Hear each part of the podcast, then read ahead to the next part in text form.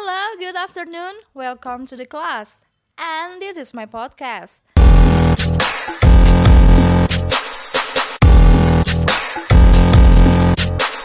Thank you for coming, and I hope you are in a good mood to study on podcast. First, I will play this song, so cheer up, guys ever feel like breaking down? Do you ever feel out of place? Like somehow you just don't belong and no one understands you? Do you ever wanna run away?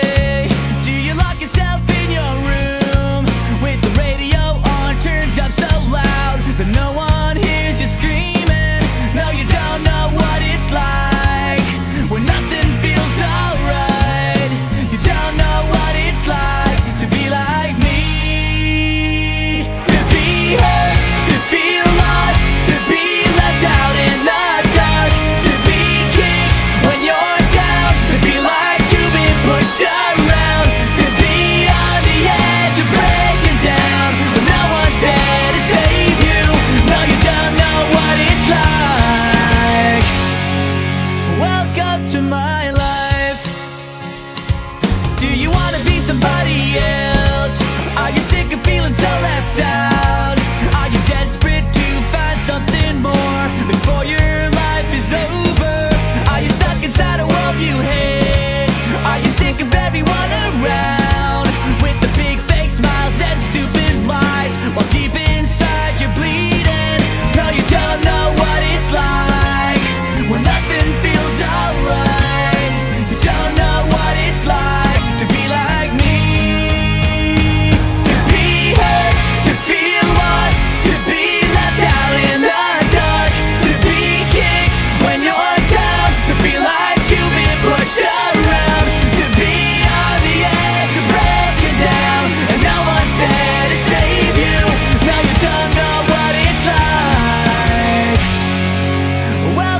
To my life. Yeah, that was single from Simple Plan with Welcome to My Life. Semoga setelah dengerin single tadi kalian jadi semangat dan gak ngantuk. Materi yang akan kita bahas kali ini tentang kompleksitas masyarakat Indonesia. Please check it out. Masyarakat Indonesia sebagai sebuah sistem sosial dengan karakteristiknya yang khas, dengan kemajemukannya serta dinamis, karena konteks dan latar belakang sejarah yang mempengaruhi. Secara geografis Indonesia membentang dari ujung barat Australia sampai ujung tenggara Malaysia, terletak di titik paling strategis dan paling penting di Lautan Hindia, serta menghubungkan Samudra Pasifik dan Laut Cina Selatan. Sebagai negara kepulauan dengan luas sekitar 1.900 km persegi dan 13.667 pulau, serta merupakan negara dengan jumlah penduduk terpadat keempat di dunia, dengan komunitas muslim terbesar. Ciri masyarakat Indonesia bersifat majemuk.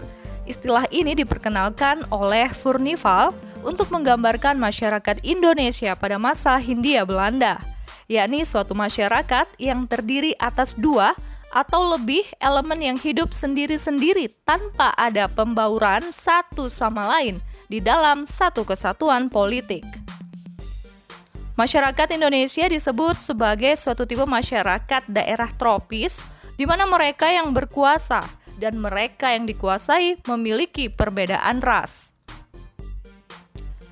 Orang Belanda sebagai golongan minoritas yang pada abad ke-19 jumlahnya semakin bertambah menjadi penguasa yang memerintah sejumlah besar orang Indonesia pribumi yang menjadi warga kelas 3 di negerinya sendiri. Golongan orang-orang Tionghoa sebagai golongan terbesar di antara orang timur lainnya, menempati kedudukan menengah di antara kedua golongan di atas. Tetapi keadaan masyarakat Indonesia masa kini sudah jauh berbeda dari keadaan tersebut. Sejak Indonesia merdeka pada 17 Agustus 45, golongan Eropa yang sebelumnya menempati kedudukan sangat penting akhirnya terlempar keluar dari sistem sosial masyarakat Indonesia. Oke, sejauh ini sudah mengerti? Kita lanjutkan lagi. Sebagai negara kepulauan, Indonesia memiliki penduduk yang terdiri dari berbagai kelompok etnik dan dialek. Inilah salah satu faktor yang menyebabkan mengapa pluralitas masyarakat Indonesia terjadi. Tradisi dan kehidupan yang berbeda-beda, dengan kompleksitasnya itu, banyak ilmuwan yang tertarik dengan dinamika Indonesia, baik aspek politik maupun sosial ekonomi.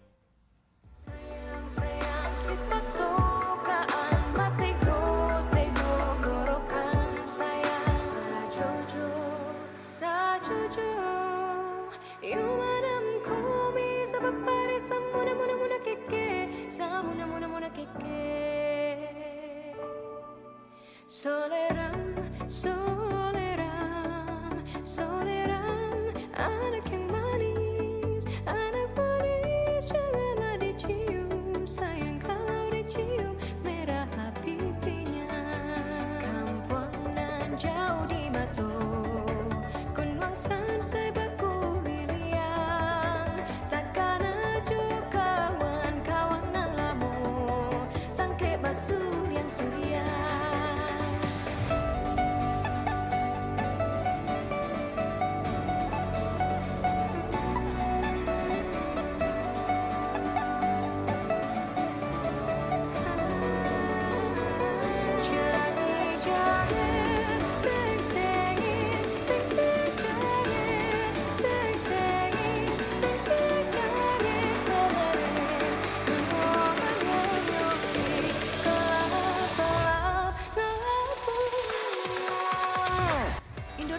dalam konteks penduduk, Pulau Jawa masih menjadi pulau terpadat di Indonesia. Hampir 57% dari total penduduk Indonesia mendiami Pulau Jawa. Indonesia terdiri dari 34 provinsi dan berpenduduk hampir 270 juta jiwa yang tersebar hampir di seluruh kepulauan Indonesia. Menurut Hugo, dalam Hilan Whitman, 1991 menggambarkan Indonesia dalam bentuk keragaman etnik dan bahasa sebagai etnolinguistik mosaik. Sedangkan komposisi etnik penduduk Indonesia terjadi tren penurunan untuk etnik dari Jawa. Semula 47,02 persen menjadi 41,71 persen di tahun 2000 dan kembali turun menjadi 40,22 persen di tahun 2010. Kenaikan persentase terjadi pada etnik Sunda dari tahun 1930 sebanyak 14,53 persen menjadi 15,41 persen. Kemudian kembali naik menjadi 15,50 di tahun 2010.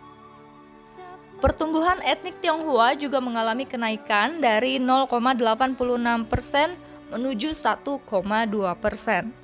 Kelengkapan data etnik ini dapat dilihat lebih detail di sensus penduduk tahun 2010 oleh BPS sehingga dapat dilihat persebaran etnik di desa dan kota di Indonesia.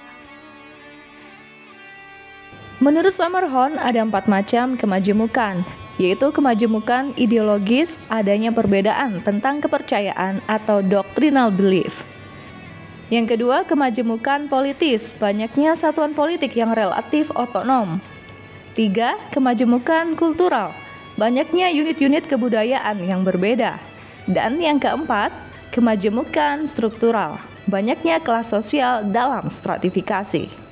Dalam pemerintahannya pada periode reformasi 1998, banyak perubahan sistem politik yang dilakukan. Salah satunya kebijakan desentralisasi dengan ditetapkannya Undang-Undang Nomor 22 dan 25 Tahun 1999 yang akhirnya banyak terbentuk provinsi baru di Indonesia saat ini. Oke, untuk kalian yang udah dengerin podcast ini dari awal tadi, saya akan memberikan kuis. Nanti akan saya kirim melalui Google Form. Jadi kalian akan menjawab pertanyaan. So, thank you so much sudah dengerin uh, podcast saya hari ini dan sampai jumpa. Selamat beraktivitas. Bye bye. Arti cinta, arti cinta sesungguhnya.